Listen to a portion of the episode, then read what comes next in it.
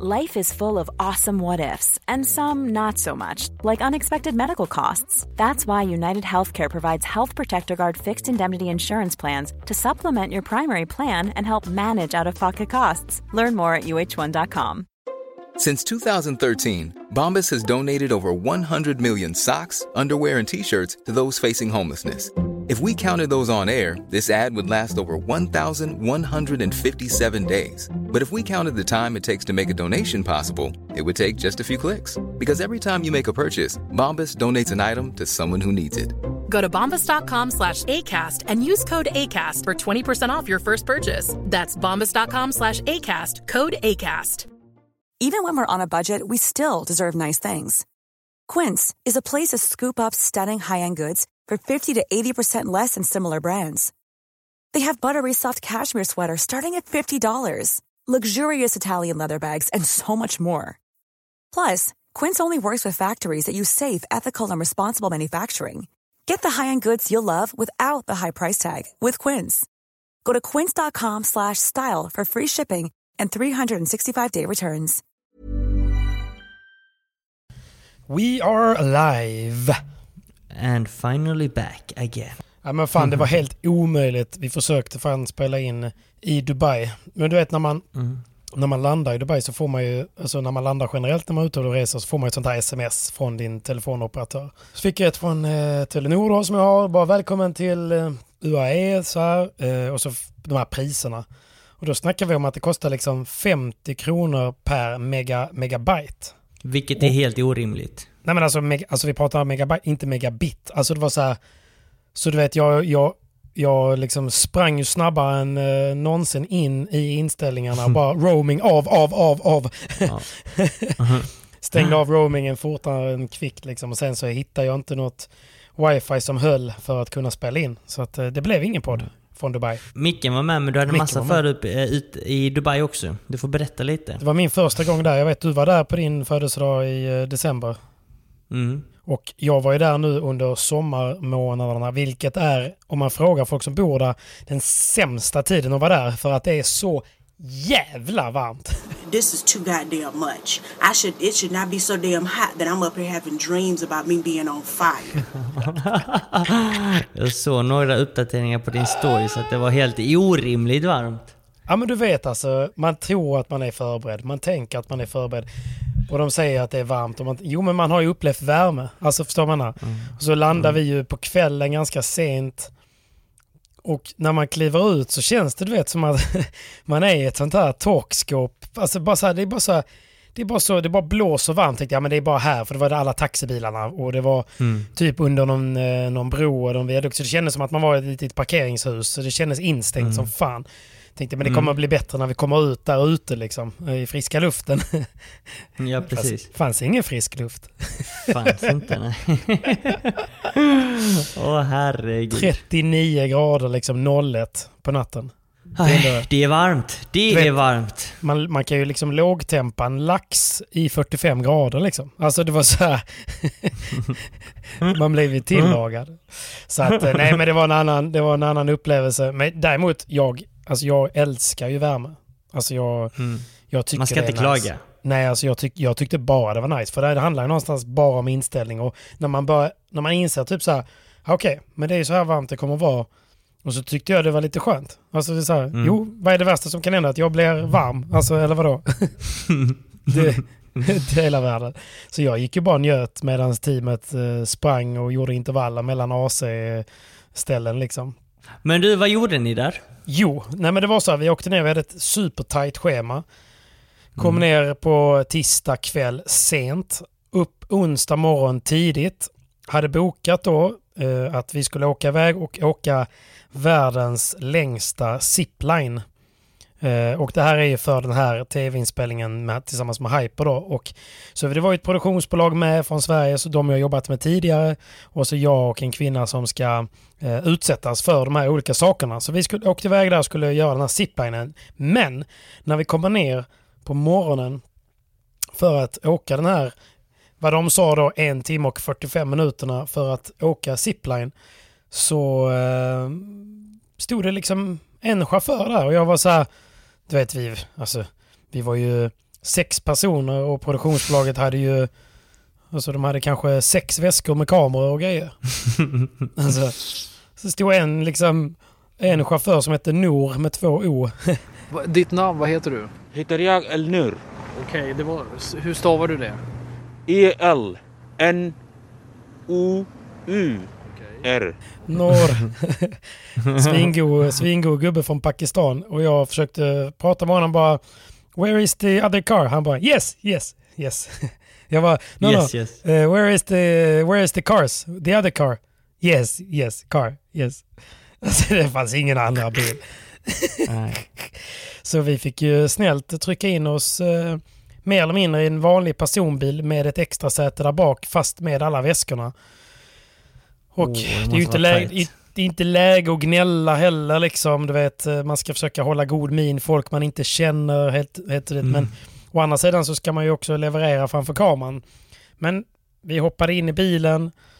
Fick, jag fick ju då, drog ju den här nitlotten sitta i mittensätet på ett knä på det här bältesspännet mitt Mm. i det värsta AC-draget. För man måste ha AC på absolut max. Eh, Funkar Så det- AC'n? Ja, ja, ja, AC'n funkar. Men det blev ju typ snabbt 16 grader i bilen och jag hade ju Mm. tagit på mig jag var ju så lättklädd att folk trodde kanske att jag skulle in i Playboy eller något för att det var ju så varmt ju, så jag hade ju inte så mycket kläder på mig. Och den värmen omvandlades ju väldigt snabbt till eh, is, eh, iskyla och den var tvungen att vara på max. Och jag satt ju mitt i mitten liksom. Jag hade ju absolut då sämst plats. allt. Exakt. Och de som satt bakom mig ville ju ha... eh, Går det att liksom höja fläkten? Jag bara... Nej, det går inte. Det är så här. Den är på max. Uh, tänkte jag bara, ja, håll ut, håll ut, håll ut. freezing my nuts off! Damn, the cold is making everybody crankier. Och när vi hade åkt en timme och tio minuter då stannade vi för att käka lunch. Och, eh, och jag frågade han liksom, hur långt är det kvar? Han var yes, yes. Sa ingenting. Fick tänkte- inga svar. Nej, tänkte jag, ja, men det kan ju max vara en halvtimme kvar. Så åker vi en halvtimme och du vet, jag bara sitter och kämpar med mig själv. Bara, håll ut, håll ut. Du vet, det var som att springa ett maraton. Du satt, du satt i mitten efter Ja, lunchen också. Efter lunchen också. Var det för att du var minst? Nej, jag vet inte. Jag, jag, jag, jag, liksom, jag, var så, jag var så rädd för att säga vad jag tyckte och tänkte. Så jag bara, ja men det går bra. Inga problem, inga problem. det går jättebra. Jag sitter jätteskönt. Eh, och liksom stannade på Burger King för det var det enda som fanns. Och jag älskar ju inte Burger King eller snabbmat generellt. Så jag tog liksom en, en, eh, en sallad därifrån. Tryckte i mig den, hoppade in i bilen igen och tänkte bara, det kan max vara en halvtimme. Jag åkte en halvtimme och då, då började det liksom du vet, jag hade kramp i benen, i röven. Jag kunde inte, satt ju som en fråga. Jag bara, alltså hur, hur, hur långt är det kvar? Och då tog de upp GPSen. Och då har vi åkt i två timmar. Och det skulle ta en och en halv. Jag åkte två timmar. Och då är det över en timme kvar. Skämtar du? Åh, vilken Ja, vet. jävla bilresa du åkte på. Alltså, Dagen efter du kom ner också. Dagen efter att vi kom ner också. Och att min mobil hade uppdaterat sig själv under natten av någon anledning. Du vet, uppdaterat eh, någon ny mjukvara. Så när jag vaknade på morgonen då så gick inte mobilen igång. Den bara fastnade på äpplet liksom. Mhm. Så jag kom inte in i telefonen. Så jag hade ingen telefon med mig heller. Jag, hade, alltså, jag kunde inte lyssna på något. Jag kunde inte, ja, du vet, jag kunde inte zona ut. Det var, det var en, en helvetesresa. Och så gjorde vi den här ziplinen. Det var inga konstigheter. Det var högt uppe på ett berg över till ett annat berg. 3 kilometer, 160 kilometer timmen. Man åkte framlänges som Superman liksom. Det var lite coolt så. Det var ball. Det enda jag tänkte på hela tiden är bara det är tre timmar hem i samma jävla bil. Men var det värt det i frågan? Nej, aldrig i livet Nej. alltså. Jag skulle Inte? aldrig göra om det alltså. Är det sant? Hur lång var den här ziplinen sa du? Tre kilometer. 3 kilometer i 160 kilometer i timmen. Det är rätt gött tycker jag. Så det, det, var lite, jävligt nice. det var lite ball. Men det var ju inte så, så att du fick någon adrenalinkick eller... Nej, okej. Det var ju inte läskigt. Utan det var bara så här. Nej. Det var lite nice. Men det känns som att du inte är så rädd för så mycket längre. Nej, jag är, det, det ska vara helt ärlig. Men okej, vi pratar om det roliga då. Så gjorde vi den här och sen så skulle vi hoppa fallskärm dagen efter. Mm. Och när vi sitter i den här eh, fantastiska bilresan då får eh, produktionsledaren då ett eh, meddelande från dem vi ska hoppa med dagen efter. Bara, de har ställt in eh, fallskärmshoppet och då höll jag på att tappa det alltså. För det var ju, alltså jag tänkte ju bara så här, skitsamma den här dagen, får, klarar jag bara den här dagen Mm. så kommer det bli kul imorgon. Klarar jag bara den här dagen, vet, jag satte bara sånt mantra till mig själv när jag satt och, Mm, mm, och frös där i mitten och på någons knä liksom. mm. Och, och jag bara tänkte, nej nu blev det inställt. Ja då var det någonting med vädret de menade på liksom och jag, jag är helt säker på att det var någon shejk som liksom gick in och bara abonnerade hela eftermiddagen så att det inte Mm. blev av liksom. Så skitsamma, vi fick börja dra i, okej vad har vi för options? Kan vi göra det på fredagen istället? Trots att vårt, Mm. för vi hade bokat ett jättetidigt flyg fredag morgon så vi kunde ju inte hoppa på fredagen. Men de gav oss en tid på fredagen, vi fick ringa hem, vi fick boka om allas flyg, alla fick ringa hem till sina familjer och du vet, logistik. Så Mm. lång historia kort, det blev i alla fall att vi fick hoppa på fredagen och åka hem på lördagen. Vilket gjorde att hela torsdagen blev vi fri. Och det var ju nice. Så då kontaktade jag ju är lite, nice. kontaktade jag ju lite Adidas eh, folk som jag vet håller till i eh, Dubai. Fermin, du vet. Aha. Fermin Ferreira. Fermin Ferreira, precis. Eh, argentinare som eh, också är sponsrad av Adidas och bosatt i Dubai sedan några år tillbaka. Och jag har tränat Mm. med honom när jag var eh, när jag var ännu mer nybörjare än vad jag är nu. När han var i Göteborg och Mm. hade clinics. Så vi har varandra på Instagram. Jag skrev till honom och så styrde han upp lite spel och visade mig runt i Dubai och jag hade en fantastisk dag. Och sen så blir det då fredag och det är dags för fallskärm. Och det här har jag ju sett fram emot för jag har aldrig hoppat innan. Nej. Magiskt, vi får en tidig slottid för att man vill gärna hoppa så tidigt som möjligt för att du vet, redan, redan eh, sex på morgonen är det ju 38-39 grader. Så fy man vill ju helst inte hoppa efter 10 så går det ju liksom upp mot en 45 och, och framåt liksom. Så vi fick en, en hopptid vid 9 och vi kommer dit eh, och får all liksom, förberedelse. Vi spelar in allt vi ska innan och får igenom säkerhetsgenomgången. Chartrar ett eget plan med två rutinerade hoppare liksom sådär. Och en filmare som hoppar med oss också och filmar allting utifrån liksom. Svincoolt. Mm. Och jag tänker precis som, som, som du bara, nu jävlar, nu kommer det ändå, nu kommer det kicka in. För jag vill ju ha den här adrenalinkicken, det är det jag är sug, Mm. det är det jag är ute efter.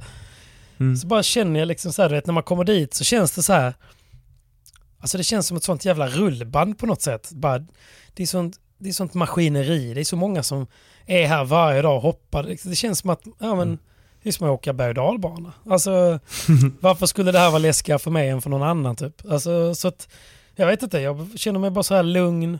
Man är, ju- sitter ju ändå fast hos någon annan så allting känns bara kul typ. Jag är inte, inte speciellt nervös. Jag tänker inte att något illa ska kunna hända. Och vi, jag åker där på propellerplanet. Jag har åkt propellerplan innan. De låter mycket, kommer upp. De öppnar dörrarna. Det ser bara ball ut. Och så precis innan vi ska hoppa ut, då har hon framför mig precis hoppat ut och det ser skitcoolt ut. Mm. Då tar jag upp min pulsklocka och visar för eh, Brad, min instruktör. Mm. Då, har jag, då har jag 70 i puls och han bara börjar asgarva för han har ju typ så här 126. Men det är helt Alltså- galet att du kan vara så lugn och tycka att det är liksom Ja, men jag vet alltså, en vanlig grej. Crazy? What are you crazy? What are you crazy? Men det kändes bara så här. Ja, jag, jag tror att hade jag hoppat själv så hade jag säkert haft 260 i puls för då har man ju varit livrädd för att man kommer fucka Ja. upp, vilket man alltid gör. Men, Du kände dig ehm, trygg med honom? Ja men det var med lite så Brad. här, jag är ju liksom i hans händer, jag kan inte göra så mycket mer än att lyssna på hans kommando typ. Så att jag ställde mig där på kanten och vi räknade ner och sen hoppade vi ut och det var ball liksom. Men det var inte så, så att jag hade hoppats att det skulle vara liksom äckligare eller läskigare eller sådär. Men jag tror att jag, eh, jag tror att nästa vecka när vi ska hoppa bungee jump i, eh, i Sydafrika, i Kapstaden, så kommer jag, då kommer jag nog få äta upp allt det här tror jag. Bungee jump är faktiskt läskigare än, äh, än måste det vara. tyckte jag också. För man gör det själv ja, men det också. det. Ja. Men du har gjort det? Jag minns ju själv. Mm, precis. Jag hoppade fallskärm eh, i USA. Mhm. eh, Miami med Joel. Nice. Jag, jag tyckte det var skitläskigt för jag blev ju nervös bara redan då när man ska skriva på ett papper. Liksom, ja men exakt. Man får Det ta är ett det- eget ansvar. Det är den man vill ha, den Att- känslan. Det var den jag hade när jag hoppade fallskärm. att, eh, att man är beredd på att dö om någonting går fel. Liksom, att det är ett e- eget ansvar, bla bla bla, hittan och Mm. dittan. Jag och Joel var ju för sig ganska bakfulla också, men, eh, men jag var fan... Jag, tyck, jag, jag tyckte det var läskigt, för att som du nämnde innan, man, man är ett litet propellerplan. Det var lite turbulens liksom, och, och Joel hoppade före mig. Och när han hoppade, han bara försvann ju. Alltså du vet, Ja, ja, han hängde fort, ju... alltså. Det går fort. Och då tänkte jag bara oh my god. Och sen så när man själv sitter där så häng, Exakt, man, man, är, man är näst på tur, man hänger ut för att han som, som man hoppar med sitter ju bakom en vid, Ja, vid kanten. Och så hänger man själv ut och så bara kollar man ner man bara oh Mm. my god. Ja, man har ju sett att det kan ju gå snett. Då är det ju kört. Jo men såklart kan det det liksom. Men det var rätt ball när han väl hade fällt ut fallskärmen och man fick... Då fick jag ju styra själv, lära mig hur man svänger Mm. och sånt. Det var ju nice Mm. Det är nice, det är nice. Men det just de här 60 sekunderna när man faller bara fritt. Mm. Det är en jävla kick tycker jag. ju. Ja, ja, fan alltså. Ja. Men det kommer nog på bungyjumpen tror jag. Ja, och bungee jump hoppade jag när jag var på Nya Zeeland. Coolt. Eh, och det var fett. För på den tiden, detta var kanske 2013. Mm. Det var ju en av de högsta bungee jumpsen i världen. Och Mm, jag minns då var jag fan jävligt rädd. För att, Men det är ju jag vet högt inte vad. Ja, för att då, då skulle man själv ta beslutet när man hoppar. Precis. Och det är liksom Och- det är vind och det är lite svindel där uppe och man sitter Mm. fast med något band. Det, det kan jag verkligen känna att det kommer vara äckligt som fan. Jag liksom så här, jag kände efter liksom om allting satt på bra. Mm. Flera gånger om. Jag bara, är ni säkra på att jag sitter nu? De bara, Ja. ja, ja, ja. Och de var ju ganska så här. Nonchalanta ja. Ja men, du, ja, men exakt, ganska lugna. Men something. ja, yes, yes, Double no check the worries. security. you guys? What do you want to Double check, double check, safety first, double check. No problems, just Yeah. jump, enjoy, have fun. Enjoy, Man bara... Eh, och så, du vet, det- det slog mig bara att man gör detta frivilligt egentligen. Man är så jävla dum i huvudet. Men det är liksom, det är bucket list. Man måste Men det är göra så man känner sig levande ju. Ja, precis. Ja, då känner man verkligen att man lever. Så att, eh, det är en skön efteråt. känsla efteråt. Ja, Skö, precis. skönare känsla efteråt än eh, just under hoppet, måste jag säga. Men eh, kicken, det, det, det är jävligt nice att, att leva på kicken faktiskt. Ja, nej men jag, jakten på kicken fortsätter men jag tror att den kommer komma i eh, Sydafrika. Mm, jag håller tummarna för det. Hoppas det blir riktigt jävla skraj. För det, Jag hoppas också det. det, det tycker jag du ska fan få känna på. Du kan inte ha Jag är 70 taggad på puls när du ska hoppa fallskärm. Det är helt galet. Jag har det faktiskt på video så det kommer, det kommer på YouTube, eh, både hoppet och eh, paddeln i Dubai kommer på min YouTube. Så det är bara att hålla koll. Mega. Mega. Men du, nu lämnar vi Dubai. Nu lämnar vi Dubai och så hoppar vi in i podden. Nu kör vi gott folk. Vamo, vamo, vamo. Body's on fire. Show me how to control it. And go ahead, you flip and get higher. Alright, var börjar vi då? Det finns så jävla mycket att Ja. prata om. Det finns jävligt mycket att prata om, men jag tycker väl att vi kan börja snacka om... eh, Ska vi inte bara adressera snabbt förra SPT'n innan den är, för den börjar redan bli lite utdaterad. Men Mm. du gör ju ändå, du spelar ju med eh, Fuster för första gången. Ja, eh, det var väl kanske ett litet test. Tanken var att jag och Foster skulle köra lite ihop. Både på Ja. VPT och Premier Padel och alla tävlingar ihop egentligen mer eller mindre. Men eh, det, vi hade ju aldrig spelat tidigare så att, eh, Nej. det var skönt att få ett litet test på hemmaplan faktiskt. Och var jag eh, viktigt. var tillbaka från, eh, från min skada. Min första precis. tävling efter skadan. Så det, det var Skitkul att se dig igen i SPT. kul. Det var jävligt kul att spela igen måste jag säga. Mm. Eh, och man får ju den här lilla kicken när det är tävling. Så att, eh, det var gött att få den också. Så att, eh, det var jävligt nice. Trots att finalen inte riktigt blev som vi önskade. Nej. Ja, det var en tuff final. Det kändes... Jag vet inte. Kan du inte bara berätta lite vad som hände där? Alltså kollar man på siffrorna så fick vi ju stordäng och stordäng fick vi ju. Alltså herregud, 6-0, 6-2. Mm. Eh, det var gemjakt för oss. Men kollar man de tre första servegamen vi hade, jag och Foster. Mm. Så hade vi 40-30 i två av dem. Och eh, sen så resulterade i, eh, det i att vi tappade alla tre servegame, alla våra tre första servegame i golden point. Just det. Eh, sen så tycker jag Och liksom... Då blir det stora siffror. fine om du blir breakad om, du, om det är tre golden point. Men Mm. eftersom det är två av de gamen vi har 40-30 så ska vi ju ta dem. Såklart. Ehm, men hade vi legat under 15-40 och sen kommer vi upp till, till golden och ändå tappar gamet, då är det fine. Men vi hade 40-30 i två av dem. Så det hade Mm. lika väl kunnat stå tre lika efter en halvtimme, men nu stod det 6-0 i röven. Jo, men precis. Det är alltid tungt ju. Men å andra sidan Det är så kommer jag, det är nästan lite lättare att släppa ett set när det blir 6-0 och sen så bara börja om matchen i andra set ju. Mm, det var lite så jag tänkte och kände för att jag tyckte ändå jag hade bra feeling på banan. Jag tyckte ändå jag spelade bra. Mm. Eh, men Cayetano och Solano de missade inte en boll ju. De Ja, spelade grejen är ju... att de försvarar sig. Alltså, jag tror aldrig jag har sett Kaje spela så bra som han har gjort sista perioden här nu tycker jag. Det jag har Mm. sett. Och sen Solano är Nej. ju en helt annan klass liksom. Mm. De spelade väldigt bra försvarsspel och sen så gick de från försvar till attack extremt bra. Ja. De gick fram på rätt bollar, de kunde gå från försvar till attack. Och de hade tålamod och när de väl hade läget så gick de för de dödande slagen. Så Mm. jag tror den stora skillnaden var egentligen att de, de försvarade mer eller mindre lika bra som oss. Ja. Men de hade det, det här slaget som tar dem från försvaret till attack bättre än vad vi hade. Mm. Vilket innebar att även om de tappade nätet så kunde de vinna tillbaka nätet. Medan när vi väl tappade nät, nätet så hade vi svårt att vinna tillbaka nätet. Just det. Eh, och det skapar ju en, eh, en stress i spelet. Och det var den vi fick eh, handskas med egentligen från första början till slutet av matchen.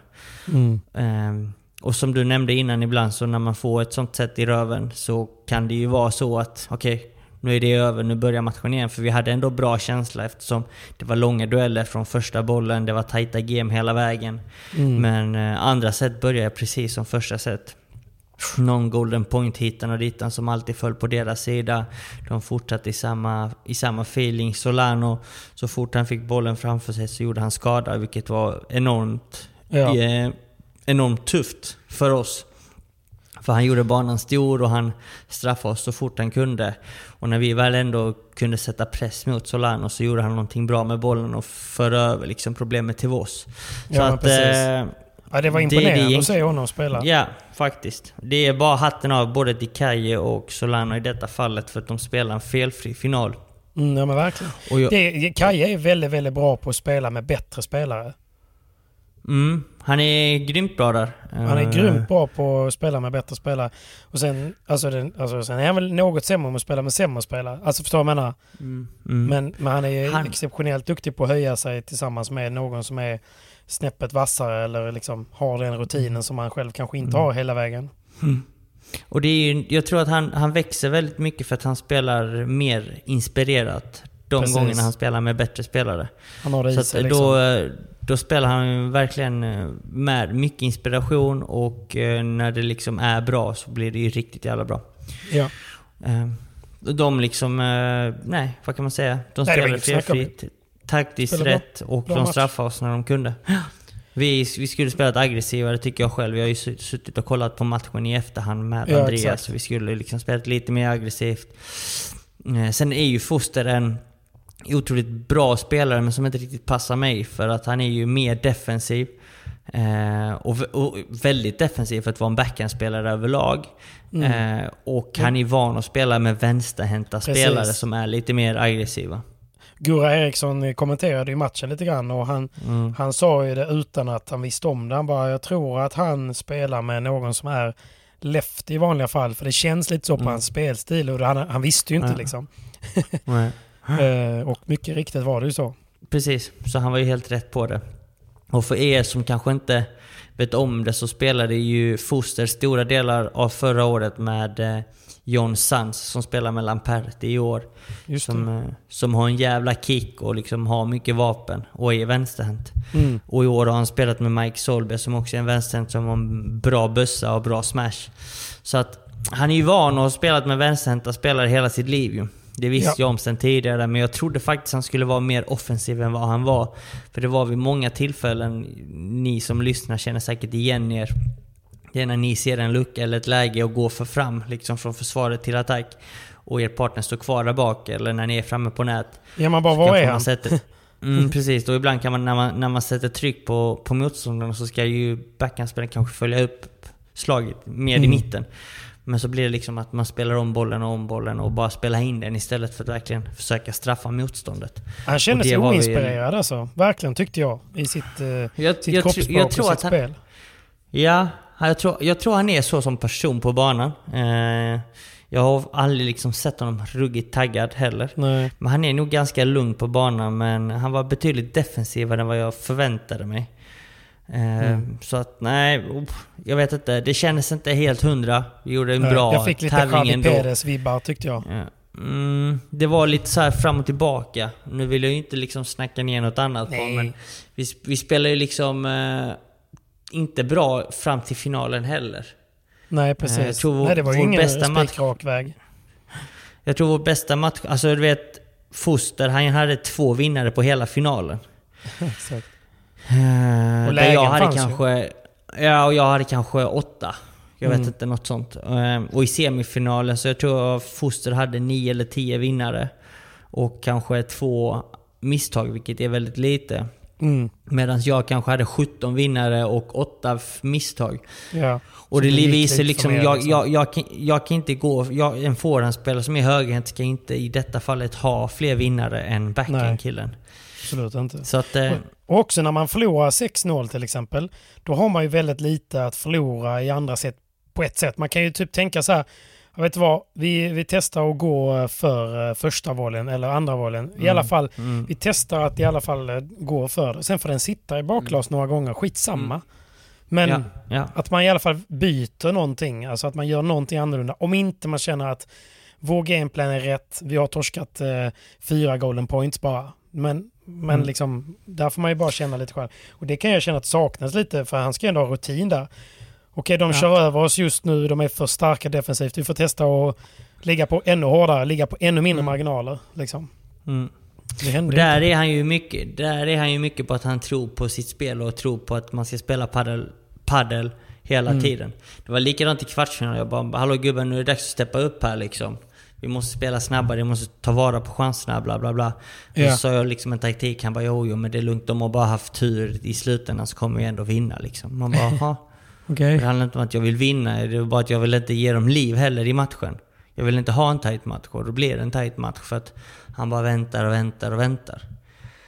Så att, eh, nej men det är hans spelstil. Och han har ju kommit sjukt långt med det. Jag menar, i, i slutet av dagen så har ju han gjort mycket bättre resultat än vad jag någonsin har gjort på VPT. Jo men exakt. Ja men det är det jag menar, det är inget snack om det. Och det är det jag tycker är konstigt. ja. Det är det Nej, jag tycker det är är jävligt konstigt.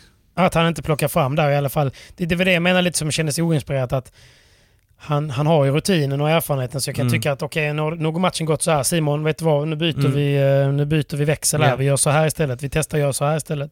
Men det känns lite som att Mm, han ryckte precis. lite på axlarna. Det är lite så här. Nej, precis. Ja. Nej. Men men, men Så- ni gör ju ändå ni gör ju den tävlingen. Okej, så vad blir kontentan nu då? Blir det någon mer eh, Eh, fuster? Nej, vi tog beslutet att vi, vi lämnar det här. Att vi It's inte not ska you, spela it's vidare. not you, it's me. Exakt. Men du, vet du vad Fuster? Jag ringer dig. Jag ringer dig. eh, Så, ja. så hörs vi, okej? Men... Nej, jag fattar. Nej, nej, men vadå? Det blev väl en ömsesidig grej. Det, det, det var väl ingen som var nöjd med, med utfallet, om man säger. Nej, precis. Och eh, nej, vad ska man säga? Eh, det, är- det, liksom, det jag kände, kände han också. Så Ja, att, exakt. eh, Det blir ett mutual. Ömsesidigt på Mm, ett precis. schysst sätt och liksom, ja. Okej, Ehm. så Fuster out. Vad har vi nu då? Vad jobbar vi med nu då? Nu är det dags för... Ja, Ja, nu, nu går det ju liksom en VPT nästa vecka i Lissabon och jag står ju utan partner. mm, mm. Eh, Men som tur väl var så, så hojtade Cayetano till och frågade om jag ville lira i Växjö och det nappade jag på såklart ganska Ja, för så fort. samtidigt. Jag, precis. Det. Eh, så det var ju antingen SPT i Växjö eller eh, VPT i Lissabon. Och jag kände att jag, jag hade lite alternativ till VPT men inget alternativ som jag kände mig hundra med, som jag verkligen tror på. Nej. Eh, och då känner jag att det inte är värt att åka ner där. Och jag vet att jag och Kaje spelar otroligt bra padel tillsammans. Vi har ju liksom spelat i många år i slutet av dagen och äh, jag var jävligt taggad på att spela här i Sverige också. Jag, eh, jag, jag, jag kände sån jävla glädje när vi var uppe i Stockholm och spelade på Ultimate Padel. Ja. Hur kul det är egentligen att spela i Sverige. Och eh, kul att se så mycket folk som tar sig till hallarna. Så att jag önskar att alla som, är, som befinner sig i, i Växjö och eh, i närheten kommer dit och supportar och ser matchen live. Mm. Eh, för du vet ju också Patrik, paddel Ja. på TV är ju en paddel men paddel live är live, det går mycket, det är mycket roligare, det går mycket Mm. snabbare, det händer Mer mycket action. mer. Liksom. Du, det är mer action och du ser det på ett helt annat sätt. Så att eh, jag hoppas att alla ni som lyssnar, om ni befinner er i Växjö eller i närheten, kom gärna dit. Eh, lördag eller söndag och supporta padden där på Såklart. plats live. För att, eh, det, det uppskattas otroligt mycket av oss spelare att ni är där på plats faktiskt. Kul. Så att eh, jag och Kaje ska faktiskt köra. Så att, eh, Hur känns det då? det är, Nej men det känns bra. Mm. Det känns bra tycker jag. Du har runnit lite vatten under bron sen sist. Ja, jag tror ändå vi avslutade på ett ganska bra sätt. Vi, Mm. vi hade spelat väldigt länge och när man har gjort det så är det ju aldrig fel att ta en paus heller. Nej. Så att, eh, nej, jag ser fram emot det. Jag är taggad och eh, förhoppningsvis så gör vi en bra tävling tillsammans. Såklart. Och ni går på jakt efter, vad blir det, tolfte titeln då? Tolfte titeln tillsammans ja. Vi har elva i bagaget. Mm. Mm. Ja, jag håller tummarna. Att, det eh, blir, det blir kul. Och det blir det en sån SPT med massa spanjorer eller inte? Vi har Ricky Martinez som spelar tillsammans med Juan Carlos Gaspar. Det är Mm. ett helspanskt lag. Ricky Martinez Vi som har- brukade spela med Knudan innan va? Ja, korrekt. Tack. Mm. Korrekt. Han spelade, spe- spelade med knutan innan. Eh, Och sen så har vi faktiskt France Pero som spelar med Victor Sid, som också spelade i Stockholm förra helgen. Ja. Det är också ett helt spanskt lag. Och sen Just så det. har vi, jag tror vi har Olle Andersson som spelar med eh, Sorita.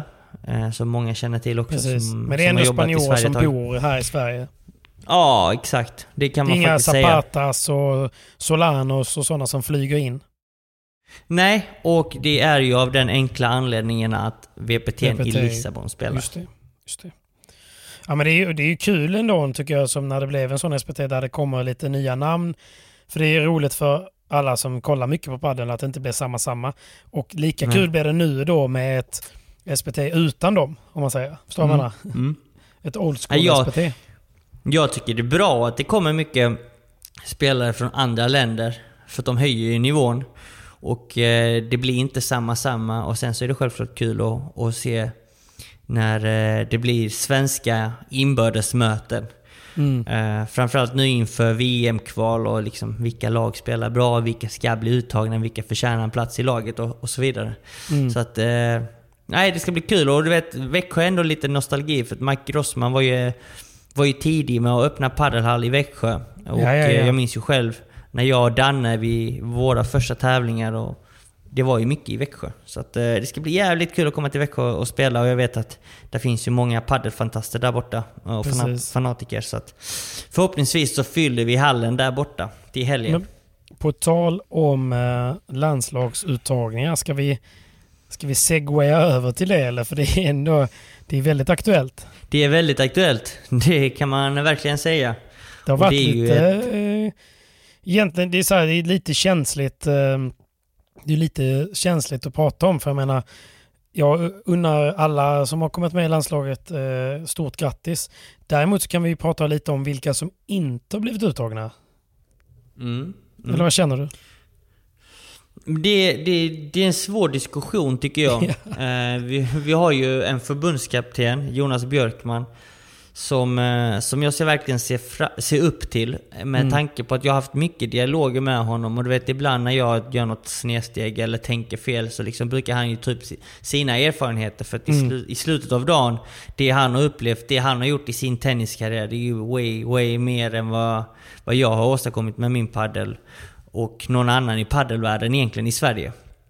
Eh, så att det, det jag gillar med hur Björkman tänker och resonerar, det är ju alla argument han har från sin erfarenhet från tennisen. Och eh, Ja. det är någonting man liksom ändå borde tacka eh, och förstå och liksom ta, det, det är liksom så här, man har fullt förtroende för honom. Ja. Sen så att ta ut ett lag, det är ju aldrig lätt. All, det kommer alltid finnas folk som kommer tycka att "Nej, men, det är orättvist, de tog inte ut rätt lag eller då jag hade bytt ut den här spelaren för den andra. Den, spelaren förtjänade mer än denna spelaren, hitten och ditten. Nej, det är, det är en Eh. omöjlig uppgift ju. Man kommer alltid göra någon... eh, Man kommer aldrig ha alla med sig liksom. Absolut inte, det är helt omöjligt. Och det är en jävla grej att ta ut ett landslag. Mm. Eh, det hade varit skillnad om man hade haft typ åtta gubbar som var självklara och de andra som är strax under. Men nu är det, jag vet inte, jag tycker det är jämnt och tajt där med de, som, de sista som blir uttagna och de som hamnar precis utanför. Mm. Ehm, sen tycker jag att svensk padel har utvecklats väldigt, väldigt mycket och vi kan faktiskt ha, ha en väldigt bred trupp. Eh, men eh, Men nu har han tagit ut det här laget och detta är ju ett VM-kval och Sverige får ju kvala för att vi inte var med VM förra året. Ja. Av den enkla anledningen för att teoretiskt sett egentligen så borde vi vara direktkvalificerade eftersom vi kom fyra i EM och eh, är en stark nation. Men nu får vi kvala, vilket jag kan tycka kanske är bra. För att fortsätta på den här starka lagsammanhållningen som Björkman jobbade upp, jobbade in ja. i laget Precis. förra året. Eh, sen så ett VM-kval i derby borde vi ju klara. Det är många bra lag. Och det är ju vissa lag jag fruktar lite, som jag sätter liksom ett litet eh, utropstecken kring. Och det är framförallt Portugal. För kommer Ja, där är starka Portugal... lag, ja, precis. Ja, exakt. Får vi, får vi möta Portugal så ser det ut som, eh, då ser jag det som en riktigt tuff uppgift. För att jag klassar dem och håller dem minst lika bra. Jag tycker att de är bättre än Frankrike. Men eh, ja, nästan lika bra som italienarna, om inte bättre. Så att det är egentligen ett lag som, eh, som, som kommer vara tufft för Sverige att slå. Eh, Det som talar för oss det är ju att det är inomhus nu. Vilket gynnar alla oss svenska spelare. Ja, vi har ju mer rutin där. Precis. Ja, vi har mycket mer Vi rutin spelar inomhus, inomhus än utomhus. 9-10 månader om året liksom. Mm. Och vi tävlar väldigt sällan utomhus. Alla Mm. SPT-tävlingarna i år gick ju till exempel inomhus förutom en. Ja. Så, så att eh, det, det talar ju mycket för Sverige att vi spelar detta kvalet inomhus. Sen tror jag att det är, England kommer också vara farliga att möta. De har ju två spansk spansk-britter. Eh, de är födda i Spanien och levt där hela sitt liv. Mm. Men de är ju britter i grund och botten och har ett brittiskt pass. Så att de är, där har vi liksom Chris Medina och lite annat folk som spelar VPT också. De kan Mm. bli tuffa. Men jag tror inte de slås i tre matcher. Sen eh, Holland är också duktiga. Vi har ju sett att Holland arrangerar mycket FIP-tävlingar och hela deras inhemska tour är ju FIP-relaterat. Så de har ju mycket erfarenhet från både internationella och nationella spelare där ju. Men det är Mm. också... Jag har svårt att se att vi förlorar tre matcher mot just Holland. Men det räcker att man torskar två ju. Ja, jo, jo. Men jag, jag, jag menar på att vi i bäst av tre så borde vi ta minst två i alla fall. Mm. S- Mm, ehm, så att det- det är liksom ett kval som inte är Men det du säger är eller att det är mycket på spel. Det är mycket på spel. Det är väldigt mycket på spel. Och jag tror inte vi är helt klara. Eh, och jag tror inte det vi är helt överlägsna. Men gör vi det vi ska så borde vi ta oss till Qatar. Och när vi väl tar oss till VM i Qatar så är det liksom en annan fråga. Vilka ska åka med egentligen? Mm. För det är inte säkert att det blir samma som man plockar ut till kvalet va? Nej precis, förbundskaptenerna både på herr och damsidan har möjlighet att ändra truppen. Eh, det. och det tror jag kommer vara liksom en viktig faktor tror jag för att utomhusspelet, där gäller det verkligen att ta med de åtta bästa som är bra på utomhusspel. Eh, vi vet ju själva att en veckas tävlande, kvalet är ju nu tre dagar tror jag. Men en veckas tävlande som ett VM, där man spelar om alla placeringar, då måste man ju ha eh, färska gubbar hela veckan. Mm. Fräscha gubbar och du vet, det, det kommer komma, tillkomma skador eventuellt eller någon blir magförgiftad och dålig eller sjuk eller febrig, whatever. Mycket Mm. kan ju hända. Så att det är viktigt att verkligen ta ut det bästa, bästa laget till Qatar tror jag. Eh, och jag tror vi har ett otroligt bra lag redan nu till, eh, till derby. Eh, och jag, jag, jag, jag tror liksom att Jonas har ändå en baktanke bakom det, denna uttagningen han har tagit ut. Och jag tror att den kommer liksom ändå vara det bästa för laget och svensk padel i slutändan, förhoppningsvis. Ja, ja men eh, man kan ju inte göra annat än att, eh, att hoppas att han har rätt ju. Nej, och det är en annan sak tycker jag som är mycket viktigare att tänka på än att bara ta ut åtta bra spelare. Det är också liksom, okej, hur tänker vi ställa upp? Mm. Eh, Det gäller att ha fyra bra lag. Fyra spelare som är väl, väldigt samspelta. Mm. Ehm, Och kollar man på de vi har tagit ut så har vi ju... Vi har ju liksom... Stjärn och Appelgren har ju spelat mycket tillsammans. För de har ju spelat lite på APT-touren. Mm. Den uttagningen gillar jag ändå. För då är ju Stjärn trygg med Appelgren och Appelgren trygg med Stjärn. Jag känner Danne ut och innan till så att vi är trygga tillsammans. Anton och Bruno, de har ju spelat i många år tillsammans. Mm. Sen har vi Albin och Douglas då. Så det enda lilla stora frågetecknet kring härlaget enligt mig, det är ju att vi är fem forehandspelare och tre backhandspelare. Mm. Eh, Så det är lite risky där om Viktor eller Anton eller Windahl skulle bli skadad. För att Douglas är ju numera forehandspelare och har gjort alla bra resultat på VPT på forehandsidan. Ja, okej. Och anser sig själv och har sagt att han är en forehandspelare. Så att, All right, det visste jag inte. men, men, han, men han gör det väldigt bra från backhandsidan. Så att där får han ju ändå vara en liten joker för att komma in på backhandsidan. Men ja, det är liksom det enda frågetecknet jag har egentligen om man kollar på laget i sig. Ja. Och det, som, jag, som jag var inne på, det är viktigt att ta ut fyra bra lag eller ett lag som man kanske kan rotera runt men att det är spelare som man vet spelar bra tillsammans. Mm. För att i slutet av dagen, padel är inte en individuell sport, det är en lagsport. Så att oavsett vilka, vilka du tar ut, de två som ska spela tillsammans måste spela som ett lag. Och det är Ja. viktigt att komplettera bra spelare där liksom. Ehm, och bara liksom ett... En, en sån grej kan ju vara A och O i ett sånt här kval eller ett eh, VM-slutspel. Ehm, så att det, det, det, är liksom, det är det enda lilla frågetecknet jag har. Men eh, han har säkert också någon baktanke där. Eh, han vill ju känna av på spelare, se hur spelare tar detta också. För att se liksom deras kanske hunger eller förväntan sen till nästa tävling. Eller Mm. hur, eh, hur de tar laguttagningen. Jag tänkte på typ just Appelgren att, ehm, som du säger där, för Stjärn, Bonfré är ju inte uttagen för han är ju säkert upptagen och, och kan inte spela. Jag tror Bonfré inte fick ledigt från jobbet just denna helgen och sen under VM i Qatar så kommer vi inte kunna räkna med Bonfré heller. Nej. För det är den veckan han förväntas bli pappa. Ah, så att, okej. eh, tyvärr så har vi Pappi. inte Bonfré med oss varken i kvalet eller i slutspelet. Nej. Och då blir det väl ändå att man som förbundskapten, om man nu ändå spikar Stjärn så kanske man ändå ställer frågan till Stjärn. Vem hade du helst velat ha vid din sida? Och att det måste också bli en faktor till hur man tar ut. 100 procent. 100 Mm. procent.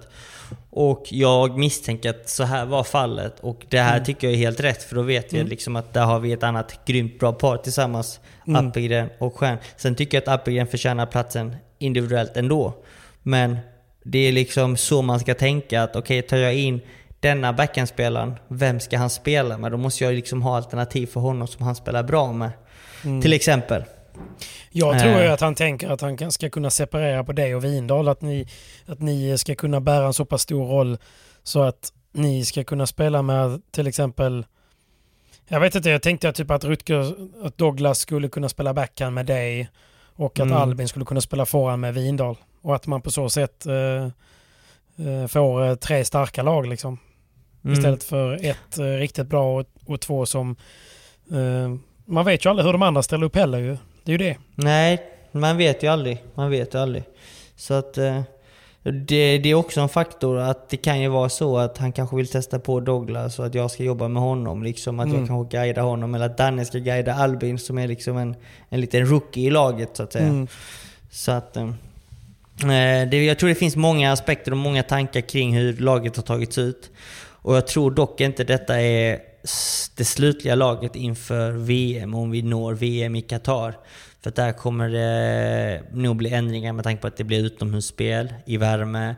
Vilka, vilka presterar bäst och vilka konstellationer kan vi köra? Alltså, det är liksom också en sån viktig del man måste tänka på. Tar man Mm. med typ en Linus Frost och har Appelgren i laget, då vet man okej Linus skulle kunna ta Stjärns plats om Stjärn blir skadad och spela med Appelgren för att de är vanliga de är partners i vanliga fall och spelar Ja. bra tillsammans. Typ en sån grej kan liksom vara viktig att tänka på tror jag. Och Mm. man kommer nog ta in det ehm, i åtankarna. Sen så får man ju se också hur VM-kvalet går. Det är ingenting vi får ta för givet att vi kommer nå ett, VM, ett VM-slutspel. Det, det kan vi Nej, absolut nej. inte göra. Jag är bara orolig att vi inte kommer in i, i, i VM, men det vill jag ju inte vara. Nej, nej, precis. Men eh, förhoppningsvis så, så ska vi göra jobbet som förväntas. Eh, och hoppas vi undviker Portugal helt enkelt. Det är väl Ja. egentligen den stora mardrömmen När vi kommer lottningen till det här då? Jag vet faktiskt inte. Eh, Mm. Det är högst oklart. FIP-organisationen gör lite som de vill ju. Så att... Standard. Eh, mm, jag vet inte. Säkerligen om en eller två veckor. Mm. Spännande. Det, det blir ju som det blir och eh, det blir spännande oavsett. Men Mm. eh, ja, vi, det är ju ett minfält där. Det finns ju så mycket och, och det finns så många individuellt att prata om. Liksom, eh, hur kommer det sig att den personen inte är med tror du och så vidare. Men vi eh, Mm. låter det vara nu som det är och så får vi bara eh, lita på, på Björkman kortsiktigt här och så ser vi hur det Mm. blir långsiktigt sen. Verkligen. Vi får se, vi får se helt enkelt. Och på damsidan, har du någon koll där eller? Ja, eh, det är också lite frågetecken. Alltså jag tycker ändå, går man på de senaste prestationerna så tycker jag Linnea Björk borde blivit uttagen. Eh, hon har liksom haft stora framsteg, eh, Mm. tycker jag, i sitt spel och, och jobbar väldigt bra. Eh, jag vet att Ernvall hjälper henne en hel del. Ja. Och det är liksom en kunnig gubbe. Så att eh, har han gått ut och sagt också att hon är väldigt talangfull och först och sen så står hon kan, upp till kan det. det inte vara lite för, för tidigt då? Jo, kanske. Men samtidigt, jag tycker att damlaget har liksom också tagit ut lite för många forehandspelare.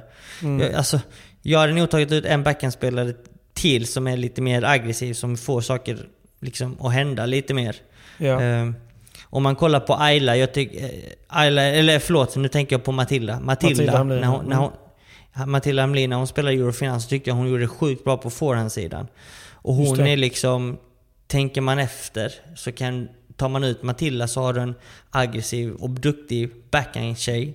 Men hon Mm. kan lika väl spela samma spel lika aggressivt och bra på forehandsidan. Så där har man liksom en liten backup Som också jag. har gjort eh, fina resultat på sistone tycker jag. Och tränar Verkligen. bra Mm. tillsammans med eh, Ayla har en stabil partner. Mm. Så Mm. det, det, det är, alltså, jag vill inte ta, någon, ta bort någonting från någon annan men jag kan inte, Nej. jag kan inte riktigt förstå hur hon inte kan vara med. Nej, det blir lite konstigt tycker jag. Eh, Ja. Och med tanke på att hon och Ayla har spelat så många år, att ta ut Ayla och inte ta ut Matilda, eller om det hade varit tvärtom, blir ju liksom konstigt också. Ja, Så att, eh, jag, jag, Matilda hade jag gärna sett i laget och sen så Linnea också. Mm. För att hon ska få erfarenhet också. Och man vet ju att, man känner ju att hon är hungrig. Och jag tycker att det är viktigt att ha de spelarna i laget som är hungriga och, och, och väldigt liksom, vad kan man säga? Eh, hungriga och målmedvetna. Ja, Eh, jo så att eh, det, det känns ju verkligen, oavsett om Linnea är väldigt ny, så känns det ändå som att hon har... ehm, hon lägger ner jobbet, hon är liksom målmedveten och hon går för det liksom. Och det är nog viktigt att ha sådana spelare i laget. Ja. När det väl gäller. Ja, nej Så men att, vi, eh, eh, det är som sagt ett litet minfält här. Jag vill inte... eh, Jag, och jag, det, är, det en, det är en jättetuff uppgift liksom. Så att eh, jag lovar att man hade kritiserat det oavsett. Så att det, är, det, är ingen lätt, eh, det är ingen lätt roll som eh, Marie har i det här fallet heller. Men eh, det är klart, Nej, att, man, inte. man, klart att man, får, man blir lite frågande liksom. Mm. Och det är som vi nämnde innan, man kan inte göra alla glada och nöjda heller. Och det är inte så att man inte tycker att någon som har blivit uttagen inte förtjänar sin plats. Men det är andra som jag också tycker förtjänar platsen Förtjänar, lika mycket. ja, och, precis. och det är väl det som är det jobbiga. Liksom. Samma sak med Pablo till exempel. Men sen Ja, så verkligen. om man kollar många, många av herrarna, om man ska utgå från SPT-resultaten, så är det inte många som har presterat där heller. Nej, men då, Eh, då, detta jag, då, faller ju, då faller ju Appelgren också i, i farozonen. Ja, men exakt. Och lika så Albin och Douglas till exempel. Så Om man nu bara går på det liksom. Om man bara går på det. Sen så tycker jag ja, Douglas har ändå presterat på VPT tycker jag. Så att han har ändå vunnit många bra matcher. Mm. Men eh, det, det, jag har inte riktigt koll på damlaget, hur, hur, hur tjejerna har gått i, i tävlingarna heller. Nej. Men eh, ska man gå på de senaste tävlingarna så har jag för mig att Linnea har gått väldigt bra.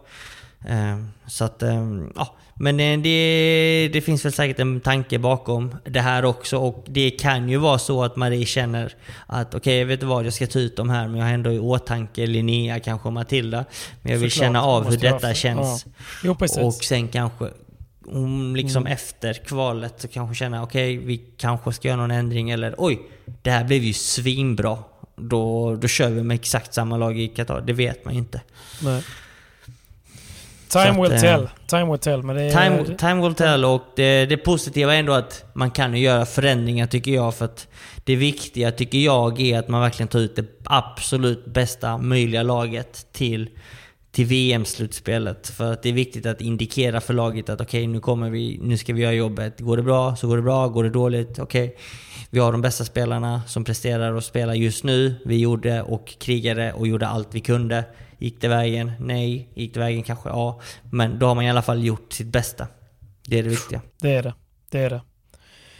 Men eh, vi får se när kvalet kommer. Det, det blir spännande att följa. Eh, Väldigt, väldigt spännande skulle jag säga.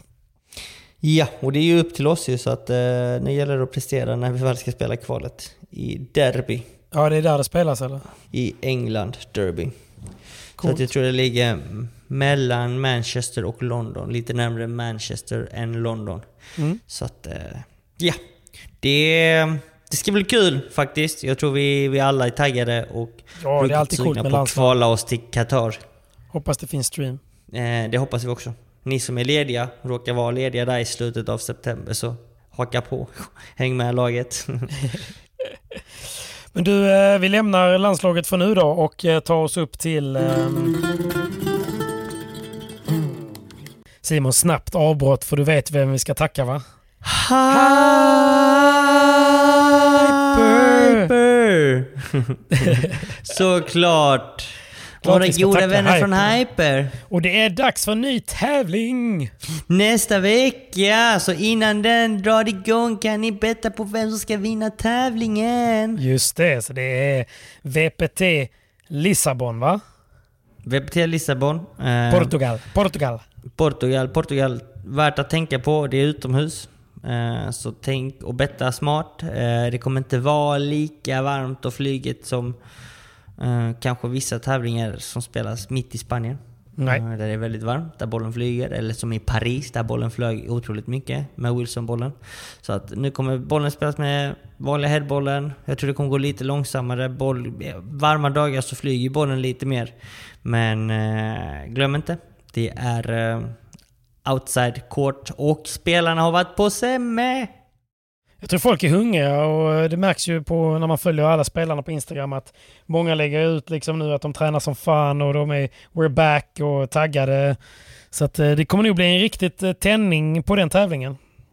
Verkligen, och sen så har vissa spelare verkligen festat till och tagit vara på de chanserna de har fått att ha lite kul och nöje och dra till Ibiza och åka lite båtar och sånt chill. Så att eh, frågan är vem som kommer komma tillbaka i bäst form efter det lilla breaket vi har haft. Exakt, det får vi ju se. Men, eh, men ni kommer ju kunna se tävlingen så att jag rekommenderar verkligen, det är skitkul tycker jag att spela innan tävlingen drar igång. För man kan Mm. alltid spela på vilka man tror ska vinna, vilket par man tror ska vinna. Och där kan man alltid få Mm. lite, lite spetsigare odds som är kul att spela på.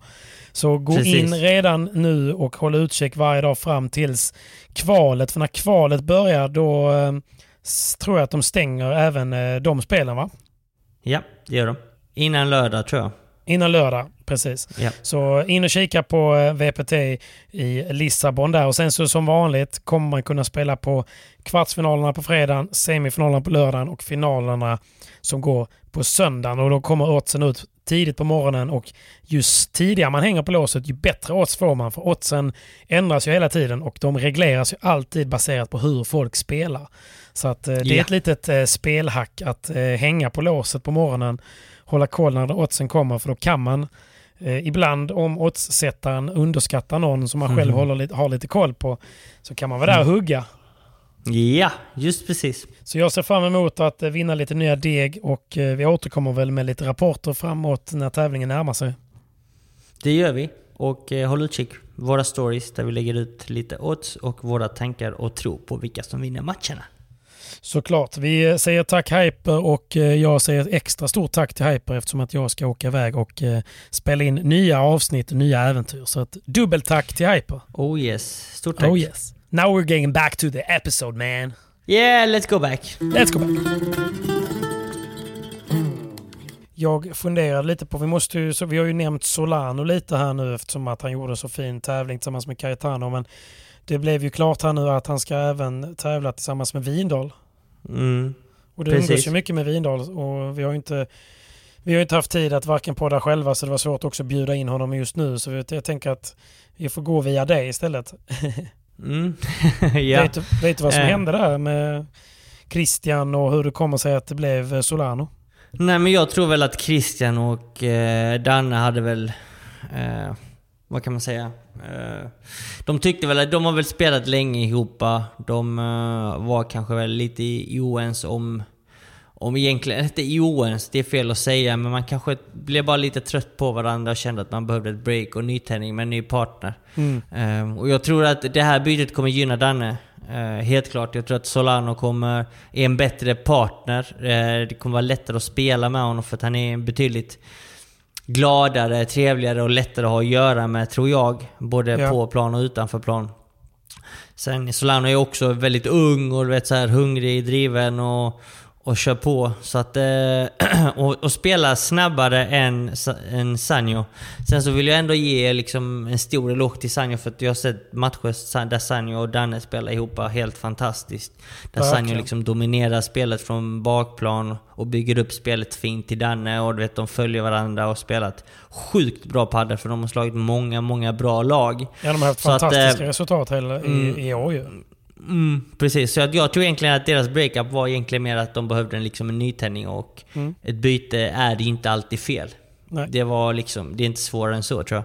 Så att, eh, men just Solano, som jag såg honom spela senast mot mig och som jag har sett honom spela många gånger.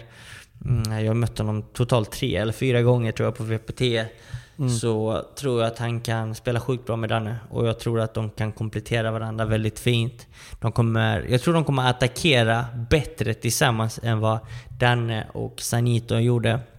Eh, och, jag, och jag tror att eh, sättet Solano spelar försvar kommer göra att Danne kan få en friare roll och, och ta större plats på banan.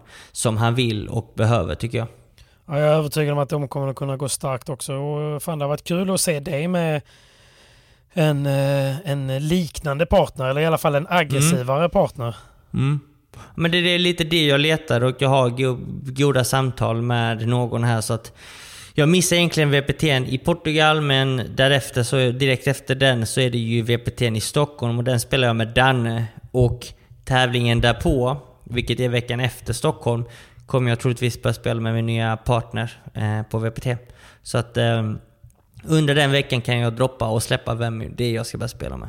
Jag eh, ser fram emot det och unnar dig en, eh, en vass eh, partner. Men är det lite svårt när man utgår från Sverige kanske att eh, liksom få den där chansen med någon riktigt vass, eh, även om du har mycket kontakter?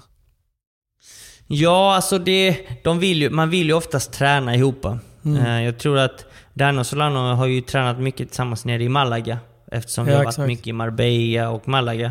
Så de har ju kört mycket tillsammans, både emot varandra och så här. Och jag tror Danne kan ha det ganska lätt att ta sig ner och träna med honom i Malaga. Eh, Mm. Med Sergio Belacierto till exempel. Och, Precis. och även, eh, även Solanos tränare som är hans pappa. Eh, så att, Okej. ja, det, är viktigt, det är viktigt att man har den här tiden med varandra mellan tävlingarna också. Ja. Vilket till exempel jag och Adrian inte riktigt hade för att han bodde i nordvä- nordvästra Spanien och där är inte så mycket sparring så att det, det var inte värt att jag åkte dit och det, komma hem till Sverige. Det här var det inte så mycket alternativ heller. Så att det, det, det, det är viktigt att man hittar en balans och hittar ett sätt att träna tillsammans mellan tävlingar för att verkligen prestera. Men jag bara tänker Ehm. typ att om du säger att du hade bott i Madrid till exempel. Då har det varit mycket Eh, lättare. Ja men hade det inte varit det? Jo, absolut. För då, då, då, då har du möjligheten att spela med flera. Du har möjlighet att spela med kanske med en och samma flera träningar. Och då kanske det bara känns bra. Oh shit, fan vi borde köra. Ja, vi kör då. Typ. Mm. Så att det hade varit betydligt lättare. Det hade dykt Ehm. upp lite fler möjligheter.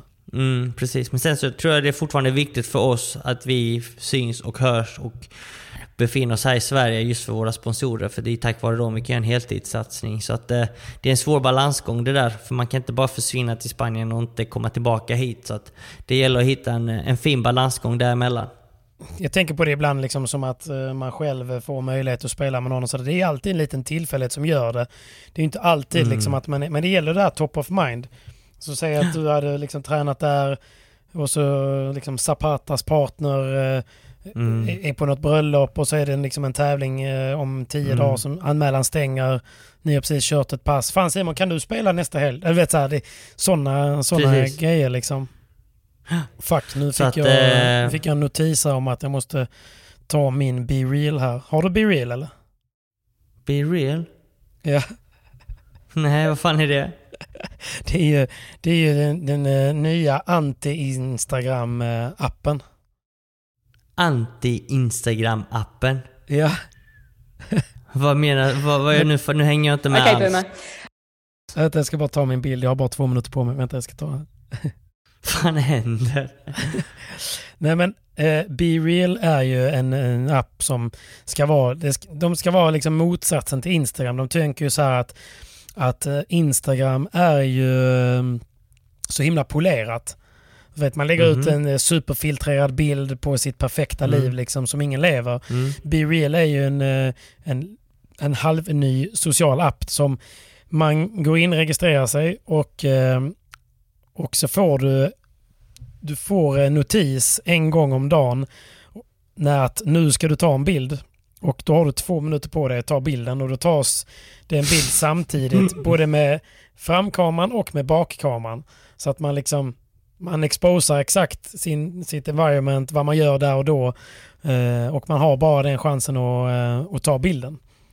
Så det är sinnes ju. Det är lite kul och så blir det liksom, man ser inte antal likes, man ser inte antal följare och sånt liksom. Så att det inte är statusbaserat utan det är bara, man följer dem man vill och det är rätt kul liksom. För det blir väldigt så här honest liksom. Förstår du vad jag menar? Jag fattar, jag fattar. Fan vad sjukt. Vilka Ja. är det som ligger bakom den appen? Vet faktiskt inte, men eh, det är väl några Silicon Valley-gubbar säkert. Nej, ingen aning. Men Mm. det är en ganska Mm. soft app. Be Real, jag heter Mm. Patrik, Patrik med CP. Det är bara att adda, adda på. Mm. Om ni vill se mitt In eh, opolerade liv. Jag ska kolla till den appen, kanske Ja, men gör det. kör igång den också. Ja, jag vill ha det där. Men det är inget så här, som sagt, det är inget man behöver tänka på. Man, man, man får en notis, då lägger man sin bild och sen är man inte där så mycket. Det är lite Mm. gött. Det är lite Fattar. skönt på det sättet.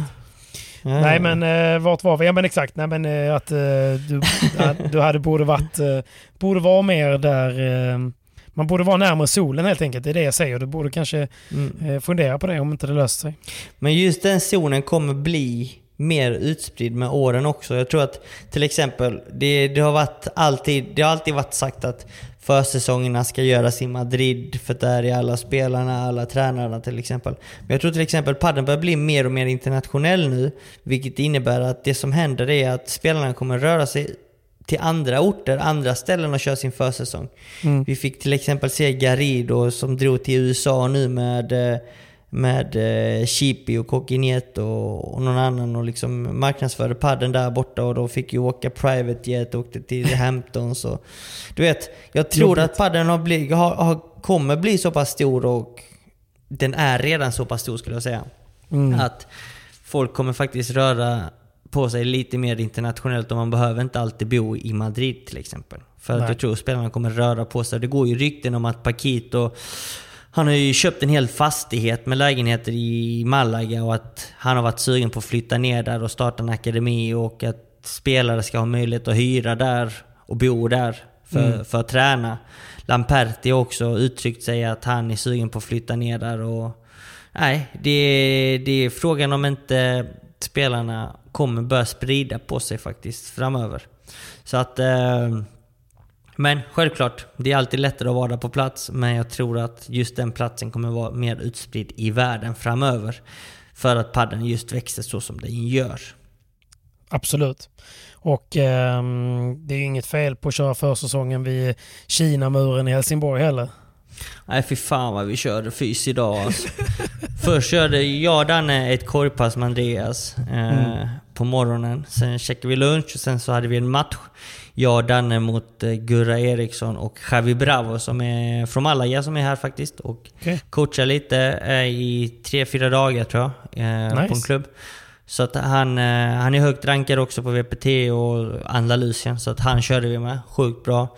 Och efter den matchen så var det bara att springa Kinamuren och för er som inte känner till Kinamuren här i Helsingborg så är det väl kanske en halvbrant backe som är typ en kilometer känns det som.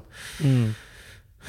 Den, kan, vet- den är inte en kilometer men den Ja, är kanske den är lång. 700 Men vet du varför det är så jävla Ja. bra, bra att köra intervaller i långa uppförsbackar? Nej, berätta. Nej, men det, finns ju, det finns ju olika syften med olika intervaller, men just det, det svåra egentligen med intervaller som man som tränare vill åstadkomma, det är ju det här Mm. med att, att för oftast när du säger att du springer på en plan mark, så kör vi, Mm. vi kör liksom Mm. 200 meters intervaller, då kommer Mm. du eh, liksom få maxpuls ganska sent och sen är det över Mm. och sen så sänker vi Mm. pulsen och så börjar vi om. Mm. Eh, Mm. Och det, är ju, det blir ju sprint och det är en bra träning också. Men om man vill flytta gränsen för, eh, liksom, du vet när man har maxpuls och man bara vill dö. Eh, Mm. så, som, Mm. så som man kan känna typ i tredje set eller om man möter någon som förflyttar en mycket där man liksom aldrig får vila.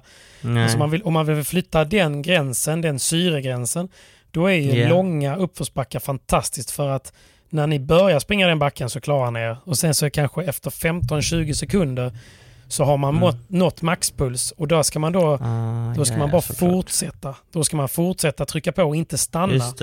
Och jag Just just fattar, det. jag fattar att man inte kanske klarar hela vägen, men man ska i alla fall Nej. bara fortsätta minst där man kan. Man ska inte stanna Ja. för att då, för då kanske du klarar liksom 26 sekunder, nästa gång 27, Nej, precis. 28. Precis. Och det är så man flyttar gränsen. Och det, är, det som är svårt är att hitta backar som är tillräckligt långa för att få maxpuls.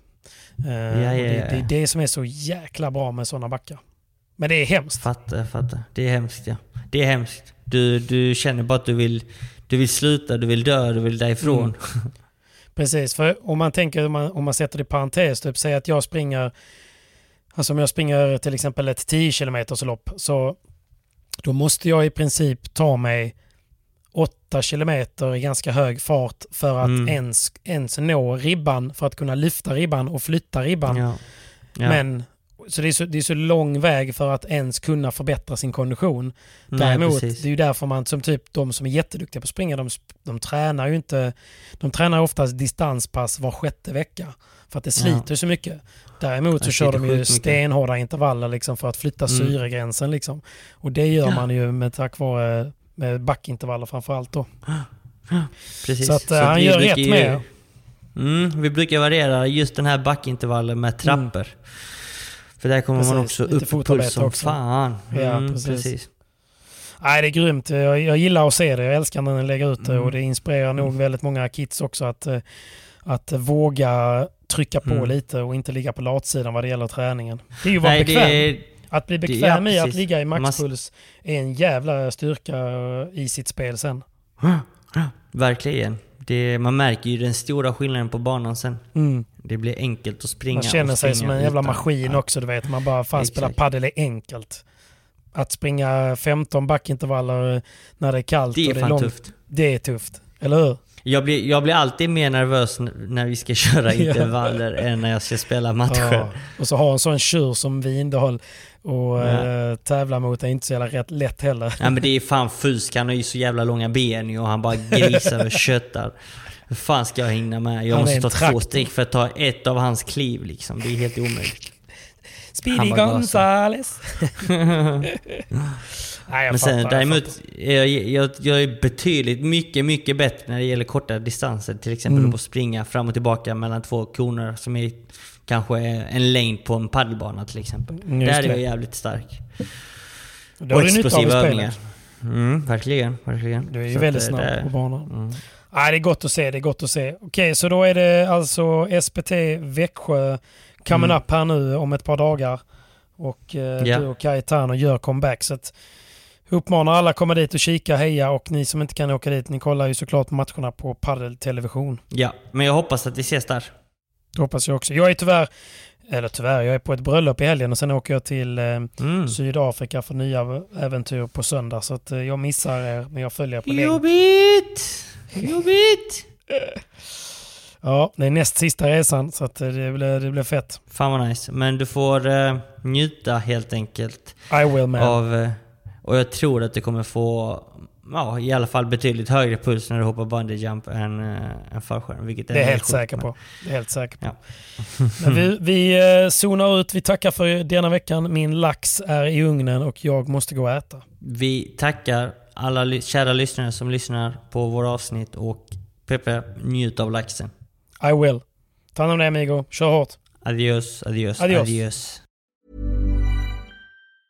Hi, I'm Daniel, founder of Pretty Litter. Did you know cats tend to hide symptoms of sickness and pain? I learned this the hard way after losing my cat, Gingy. So I created Pretty Litter, a health monitoring litter that helps detect early signs of illness by changing colors, saving you money and potentially your cat's life. Pretty Litter is veterinarian developed, and it's the easiest way to keep tabs on your fur baby's health right at home. Go to prettylitter.com and use code ACAST for 20% off your first order and a free cat toy. Terms and conditions apply. See site for details. Hold up. What was that? Boring. No flavor. That was as bad as those leftovers you ate all week. Kiki Palmer here, and it's time to say hello to something fresh and guilt-free. Hello Fresh. Jazz up dinner with pecan-crusted chicken or garlic butter shrimp scampi. Now that's music to my mouth. Hello Fresh. Let's get this dinner party started. Discover all the delicious possibilities at hellofresh.com. Even when we're on a budget, we still deserve nice things. Quince is a place to scoop up stunning high-end goods for 50 to 80% less than similar brands. They have buttery soft cashmere sweaters starting at $50, luxurious Italian leather bags, and so much more. Plus, Quince only works with factories that use safe, ethical, and responsible manufacturing. Get the high-end goods you'll love without the high price tag with Quince. Go to quince.com/style for free shipping and 365-day returns.